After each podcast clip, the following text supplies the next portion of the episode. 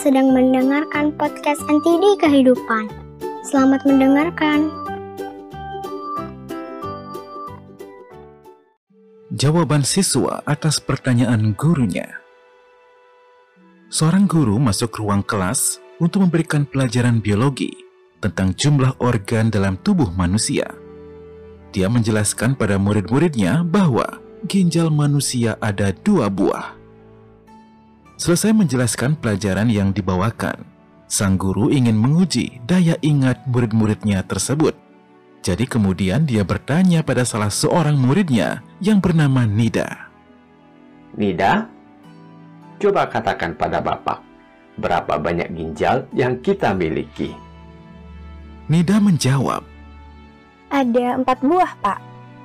Apa? Empat buah? Sang guru yang merasa tidak setuju dengan jawaban salah dari Nida muridnya itu, lalu berkata, Apakah kamu yakin jawaban yang benar adalah empat buah, Nida?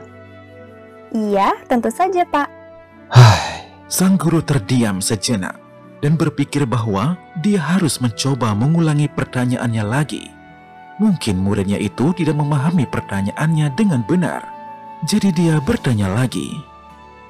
Nah, Nida, sekarang Bapak tanya sekali lagi. Berapa banyak ginjal yang kamu miliki?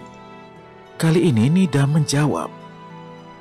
Ada dua buah, Pak. Sang guru menjadi senang karena telah mendapat jawaban yang benar. Namun sesaat kemudian dia bertanya lagi.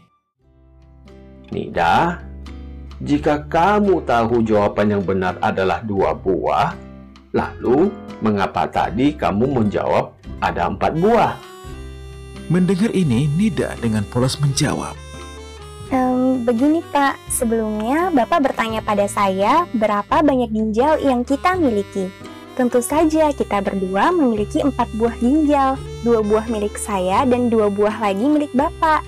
Selanjutnya, Bapak bertanya lagi tentang berapa buah ginjal yang saya miliki.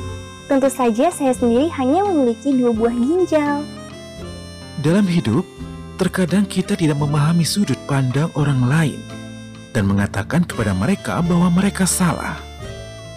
Sebelum mengoreksi kesalahan orang lain, ada baiknya seseorang mencoba memahami sudut pandang orang lain terlebih dahulu.